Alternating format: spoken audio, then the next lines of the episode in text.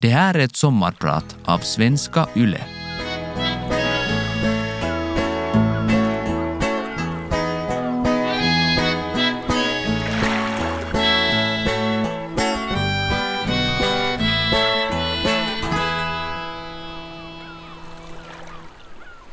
Jag glider in i det spegelblanka vattnet. Månen står högt över havet, myggorna surrar och det svala vattnet får mig att huttra. Jag är på kvällstopp i skärgården och jag är ledig. Fyra veckor utan post-it-lappar och deadlines. 28 dagar utan möten och rapporter. Nästan 700 timmar till att koppla av och göra det jag länge längtat efter. Men kanske också en möjlighet att betrakta det liv jag lever, hur jag jobbar och vad jag vill förändra efter att jag lyft in min hängmatta och återvänt till kontoret i augusti. Jag heter Nora Rosendal och jag är entreprenör, arbetslivsforskare och författare. Jag ska sommarprata om det som du nu helst av allt vill slippa. Jobb, stress och krav. Men också om utveckling, kreativitet och lycka. Du är välkommen på min simtur. Vad vill du bli när du blir stor?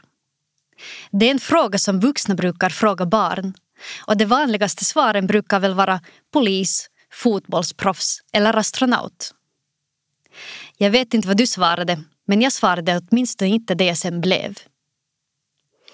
Mitt tidigaste minne av karriärplanering är redan från lågstadiet. Jag gick i femman och alla barn skulle i tur och ordning berätta vad de ville jobba med som vuxna.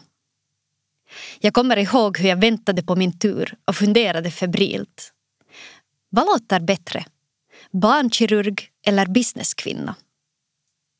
Jag tror jag valde businesskvinna. Eller kanske barnkirurg. Men vad jag valde kvittar. Det var så jag tänkte på arbetslivet. Man väljer något som låter bra och sen jobbar man hårt för att bli bäst på det. Jag levde länge enligt den principen. Och länge gick det bra. Tills det inte mer gjorde det.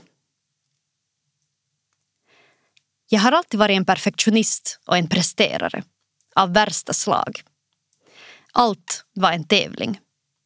Jag skulle ha högsta betyg eller fulla poäng. Den mest åtråvärda studieplatsen, det mest utmanande jobbet. Jag jobbade visserligen hårt för det, men jag fick allt det där och jag älskade det. Presterande fortsatte när jag kom in i arbetslivet. Jag skäms nästan när jag berättar det här men på den tiden jobbade jag 60, 70, 80 timmar per vecka. Varje vecka. Jag var på kontoret sju eller åtta på morgonen och fortsatte jobba in på småtimmarna. Ifall jag åt lunch gjorde jag det framför datorn. Jag lärde känna städpersonalen som kom in på kvällen på otaliga kontor från Sydney till San Francisco. Jag sov med telefonen bredvid dynan och telefonen var det första och det sista jag kollade varje dag. Jag jobbade på världens mest anrika konsultbyrå och det jag saknade i erfarenhet kompenserade jag i prestation. Det här var i och för sig inget nytt. Det gjorde jag redan på studietiden. Jag älskade att läsa, skriva, räkna. Jag njöt av att vara den som hade allt under kontroll. Att vara den som andra vände sig till en timme före uppgifterna skulle lämnas in så att de kunde kopiera mina svar. Men 2010 hände något. Jag kunde inte längre springa så hårt, jobba så snabbt, sova så lite. Jag var plötsligt så otroligt trött. Även jag hade tydligen en gräns. Och jag var inte unik. Undersökningar visar nämligen att 30-40 procent av kontorsarbetare känner sig utmattade. Det är alltså en skrämmande stor del av befolkningen som inte känner sig i skick på jobbet. Jag gick inte in i den berömda väggen men jag började nog snubbla och göra misstag. Jag försökte att fokusera ännu mer men ju mer jag gjorde desto mindre fick jag gjort. Jag började tappa mitt självförtroende, blev mer och mer kritisk mot mig själv. Jag kommer ihåg hur jag satt och stirrade på en Excel-tabell mitt i natten utan att förstå vad det var jag hade analyserat. Det hade varit så tydligt på morgonen då vi talat om det med min projektledare.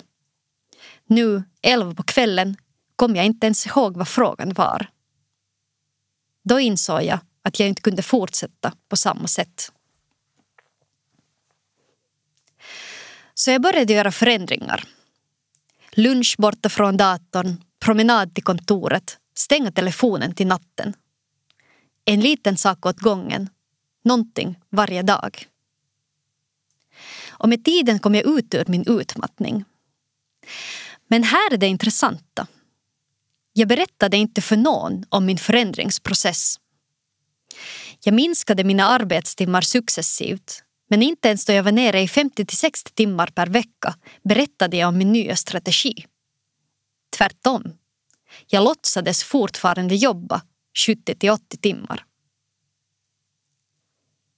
Ingen märkte något, för jag fejkade. Jag sa det åt teamet att jag skulle fortsätta jobba på hotellrummet. I verkligheten gick jag och lade mig. Vissa kvällar gick jag på gym, middag och först efter det tryckte jag på skicka på mitt sista arbets-e-mail. En gång på projekt i USA låtsades jag jobba på en presentation över veckoslutet. I verkligheten var presentationen färdig redan på fredag. Men det medgav jag inte, för på fredagen steg jag och en kompis på ett flyg till Las Vegas. Jag skickade in presentationen då jag kom hem på söndag. Bakis, nöjd och solbränd från Nevadas öken.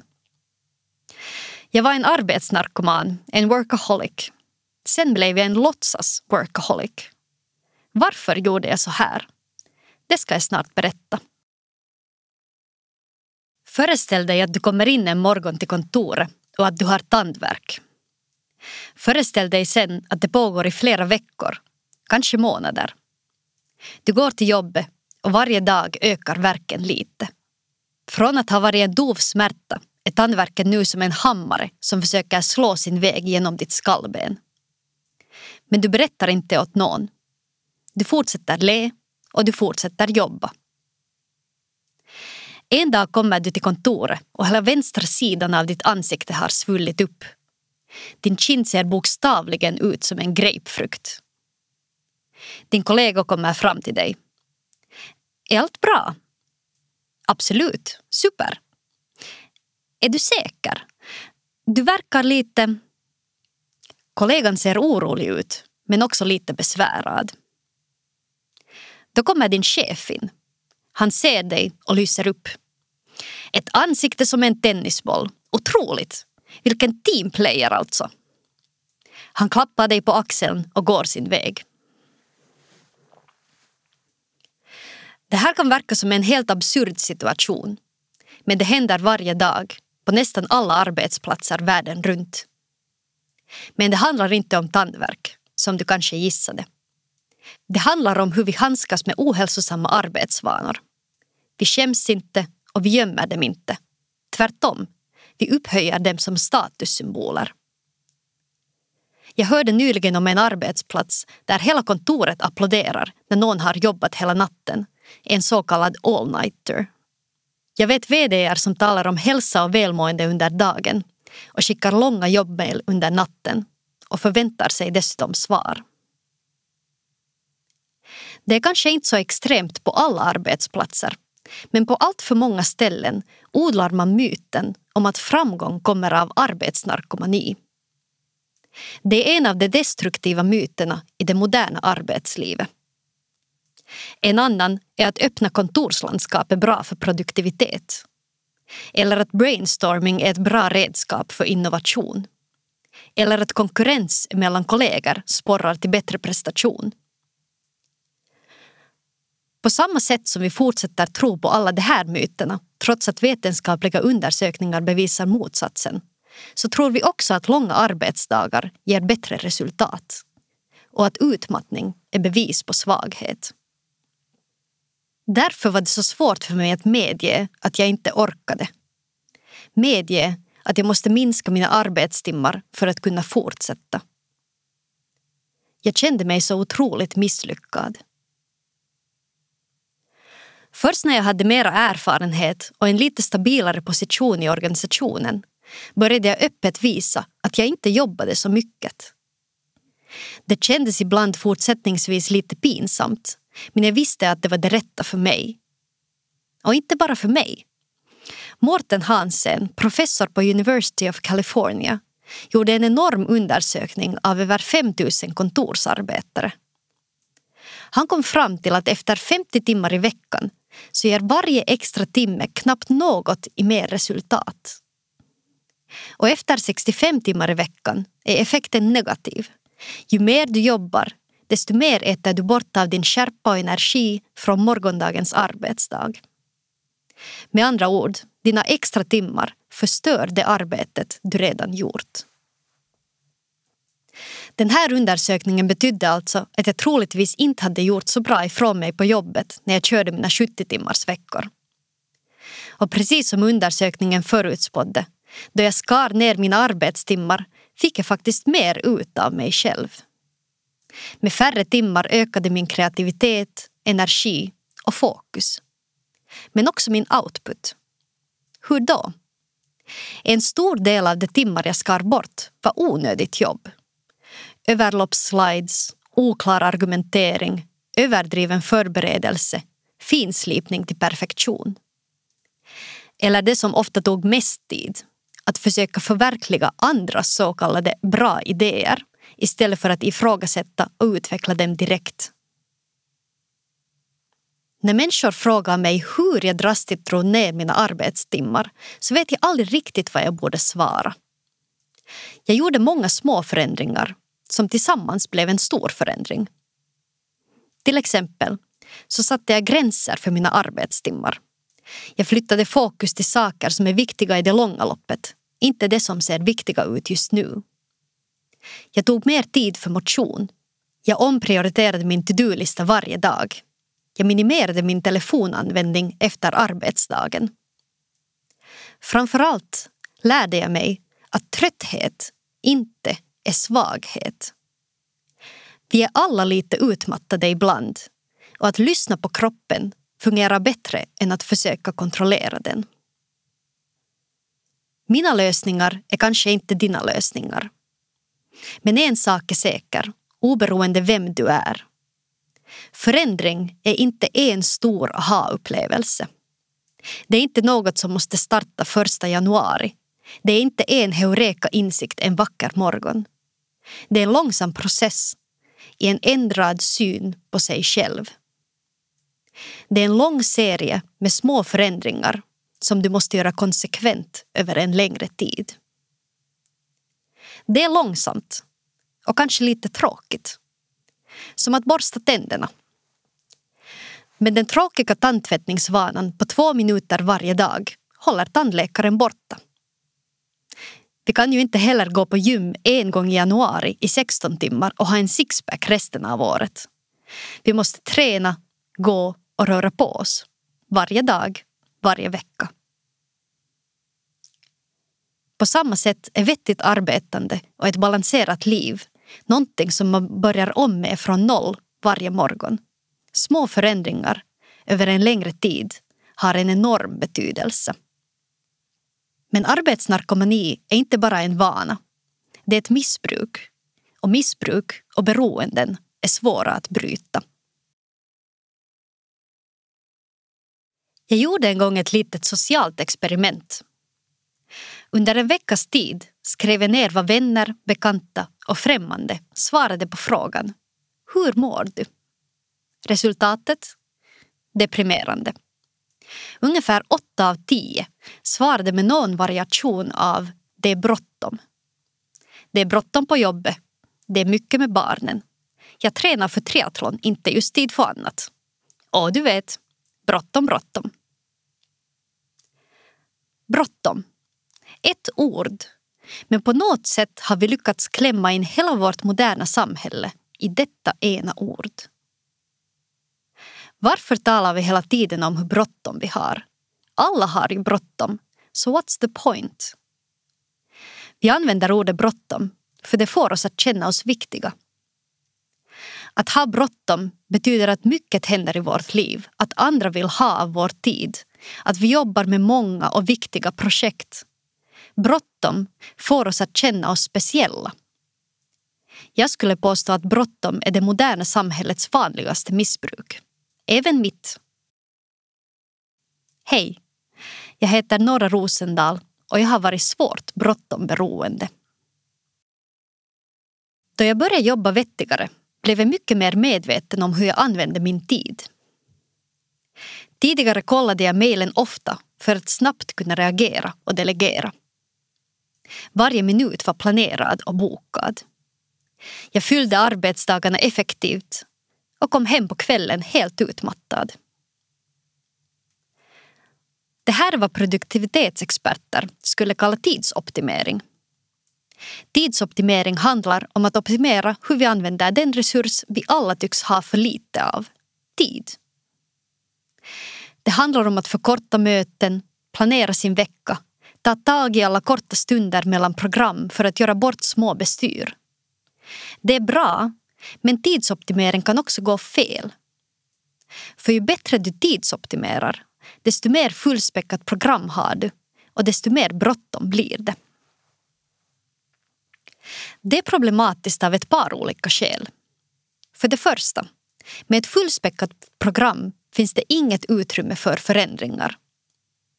Det är som fallande dominobrickor. Ifall morgonens första möte går över tiden tillbringar du resten av dagen i ett enda jäkt. Du har inget utrymme för spontana program, personliga diskussioner före och efter möten, en lugn lunch. Dagen blir stressig och vi känner oss uppjagade. För det andra, det förhindrar vårt kreativa tänkande. Då vi har bråttom och är igång, då är vår hjärna hela tiden aktivt på. Vi går från aktivitet till aktivitet och fyller pauserna emellan dem med att kolla arbetsmejlen på telefonen. Vi lugnar ner oss först efter arbetsdagen och de flesta inte då heller för nu vet hjärnan inte längre hur man ska koppla av. I en sån omgivning har hjärnan svårt att vara kreativ. Forskare talar nämligen om det fokuserade tankearbetet och det utspridda tankearbetet. Då vi koncentrerar oss på en uppgift utan distraherande faktorer, då gör vi fokuserat tankearbete. Det utspridda tankearbetet däremot börjar då vi inte har något annat för oss. Då vi låter tankarna vandra fritt, då hjärnan får smälta information, ta in nya intryck och göra slumpmässiga kopplingar. Det är därför man så ofta får de bästa idéerna i duschen, ute på promenad eller då man målar med barnen. Då får vår hjärna utrymme att andas och att organisera den information den har tagit till sig. Det som idag sabbar vårt tänkande och vårt välmående mest är telefonen. Våra intelligenta underhållningsmaskiner är som gjorda för att beröva oss på de små pauserna och stunderna då vi inte har någonting annat för oss. Vi går till sängs med vår telefon. Vi vaknar med den. Vi sitter till och med på toaletten med den. Oavsett vad vi gör, läser Ilta-Sanomat, kollar arbetsmejlen, spelar Angry Birds, browser Youtube, så ger den oss en liten dopaminkick varje gång. För vår hjärna är det ett lätt sätt att få njutning så vår hand går automatiskt till telefonen då det blir en kort paus. Det är lite som att gå omkring med en platta choklad i fickan. Vi vet ju att det inte är så hälsosamt att hela tiden mumsa på sött. Men varje liten bit känns så lockande.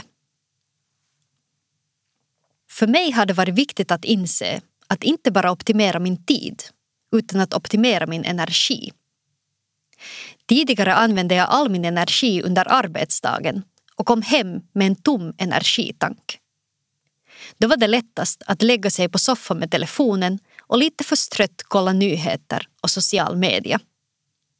Jag kunde åtminstone låtsas som om jag kopplade av. Jag låg ju stilla. Men i själva verket fortsatte min hjärna på högvarv vid telefonen och det var helt för lätt att bli indragen i det ena meningslösa tidsfördrivet efter det andra. Nu planerar jag mina dagar för optimal energi. Forskare säger att den optimala dagen för hjärnvänligt arbete är tredelad. Morgonen tillbringar jag med komplext kognitivt arbete som att skriva, analysera, göra presentationer. Lunch är tid för återhämtning. Äta, ta en promenad, lyssna på en podcast, gå på yoga. Eftermiddagen är till för medelkomplext arbete, som till exempel möten. Sen försöker jag avsluta dagen med något som ger mig energi. För mig som introvert betyder det ofta skrivande. På så sätt kan jag gå hem med en åtminstone halvfull energitank och har lättare att motstå frestelsen av telefonen. I själva verket så finns det nu många undersökningar som tyder på att just förmågan att stänga av hjärnan och släppa loss efter arbetsdagen är den absolut viktigaste rutinen för att minska stress och risk för burnout. Själv försöker jag tänka mig att jag har som en strömbrytare i mitt huvud. Den kan vara i jobbmode eller i hemmamode. Då jag stiger in genom ytterdörren flyttar jag avbrytaren till hemmamode. Den personliga rytmen mellan jobb och vila måste alla hitta själv i sitt eget liv. Det som passar mig kanske inte lämpar sig för dig. Men man kan tänka på det som på musik och pauser. Orden och instrumenten är det man lyssnar på. Men det är pauserna som ger rytmen. Det kan vara minimala pauser mellan två ord eller längre pauser mellan verser. Det är pauserna som ger utrymme åt orden, som ger betoning och vikt åt musiken. Jag heter Nora Rosendal, entreprenör, arbetslivsforskare och författare. Och jag är din sommarpratare idag. Vattnet glittrar och vågorna slår in på stranden i Borgo. Min treåriga dotter springer omkring naken och bygger sandslott i vattenbrynet. Varje gång en lite större våg kommer in och för bort slottet blir hon lika förvånad. Följande slott byggs ändå på samma ställe. Min andra dotter, nu lite på ett halvt år gammal, hänger i en självgjord vagga i strandtallen och sover. Sommar är tid med familjen. Det har det alltid varit och jag njuter. Kontrasten till vintern och vardagen är stor. Arbetsliv och familjeliv krockar ständigt. Hur ska man då balansera karriär och barn? Vågar man skaffa barn eller blir man, speciellt som kvinna, offer för osynlig diskrimination på jobbet då? Och om man skaffar barn, blir man då skuldbelagd för att man också jobbar? Borde man helt låta bli att bilda familj för att slippa krocken och kampen? Jag förstår argumentationen, för jag har upplevt både diskrimination och skuldbeläggning. Men framför allt så upplever jag att barnen har räddat mig från burnout och hjälpt mig att få balans i livet. I december 2014 satt jag och min affärspartner i baren på ett lyxhotell i Londons Mayfair. Mitt emot oss satt vår investerare, en äldre fransk gentleman med en klingande fransk accent och ett klanderfritt sätt. Tjejer, ni inser väl att ni inte kan bli gravida på åtminstone några år framöver? Han sa det kommentaren som i förbigående. Vi skrattade och fortsatte tala om annat. På vägen hem skakade vi båda på huvudet och log. Sa han faktiskt så? Ett halvt år senare var jag gravid. Det var den bästa oplanerade vändningen i mitt liv. Från ett karriärperspektiv var det dock tidvis en mardröm. Jag är entreprenör på ett litet företag och under graviditeten och min dotters första levnadsår var vårt företag konkursfärdigt åtminstone två gånger. Vi fick pussla tidtabeller, pengar och mötesupplägg. Vi fick vara flexibla, hemma och på jobbet. Maja har suttit i famnen på flera av våra investerare och kunder. Om vi klarat oss så här långt på grund av henne eller trots henne, det får vi aldrig veta. Till småbarns vardagens jäkt hör såklart korta nätter, kaotisk morgonlogistik, dagistidtabeller och trots. Allt det där vet vi. Och visst är det ofta en kombination av stress privat och stress på jobbet som gör att vi blir utmattade. Men det kan också vara tvärtom. För mig har barnen räddat mig från burnout. Varför? Det handlar om identitet. Jag kommer ihåg hur jag låg i sängen en ljusnande vårnatt år 2015 utan att kunna sova. Vi hade haft ett riktigt dåligt möte med en samarbetspartner och hela vårt företags framtid var på spel. Men den största frågan för mig var den här. Ifall vi misslyckas, ifall jag misslyckas, vem är jag då? Trots att jag skakat av mig min värsta perfektionism så fanns det en sak över allt annat som definierade vem jag var. Min arbetsframgång. Gick det bra på jobbet kände jag mig bra. Gick det riktigt bra på jobbet kände jag mig oslagbar. Det jag gjorde definierade mig som människa. Men det blev ett problem då någonting gick dåligt på jobbet. Ett projekt misslyckades, en kund var missnöjd, en affär gick inte vägen. Oberoende om jag hade påverkat slutresultatet eller inte så kände jag mig misslyckad. Min självkänsla gick hand i hand med framgångar och misslyckanden på jobbet. Jag känner flera entreprenörer som har gått totalt sönder då deras företag gått omkull. Det är förståeligt. All den energi, omsorg och kärlek man sätter in i sitt företag och så lyckas man inte. Det är som en attack mot ens innersta jag. Så kände jag. Då företaget var hotat var min identitet och självkänsla också hotade. Ungefär ett halvt år efter min sömnlösa aprilnatt så låg jag igen i sängen utan att kunna sova. Arbetssituationen var inte bättre. Vi bodde i San Francisco och vårt växande företag hade också växande problem. Men nu låg jag sömnlös med handen på min mage och kände efter de första sparkarna från vår lilla dotter. Små rörelser, som en liten akvariefisk. Arbetsstressen fanns fortfarande där. Men den var inte längre det viktigaste i mitt liv. Då jag blev förälder förändrades min uppfattning om min identitet. Jag var inte längre bara entreprenör eller högpresterare. Jag var också mamma. Jag var framförallt mamma.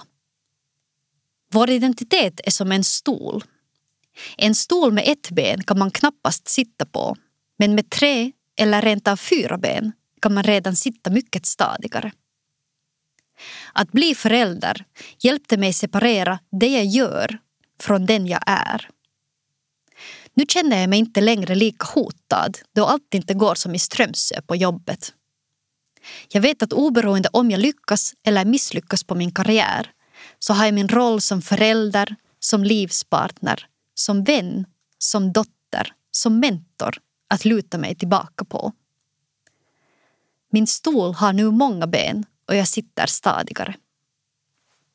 Det här är naturligtvis inte ett problem som gäller endast entreprenörer. Samma gäller oberoende vilken roll man blint fokuserar sig på. Så länge ens identitet är ensidig sitter man osäkert på sin skrangliga stol.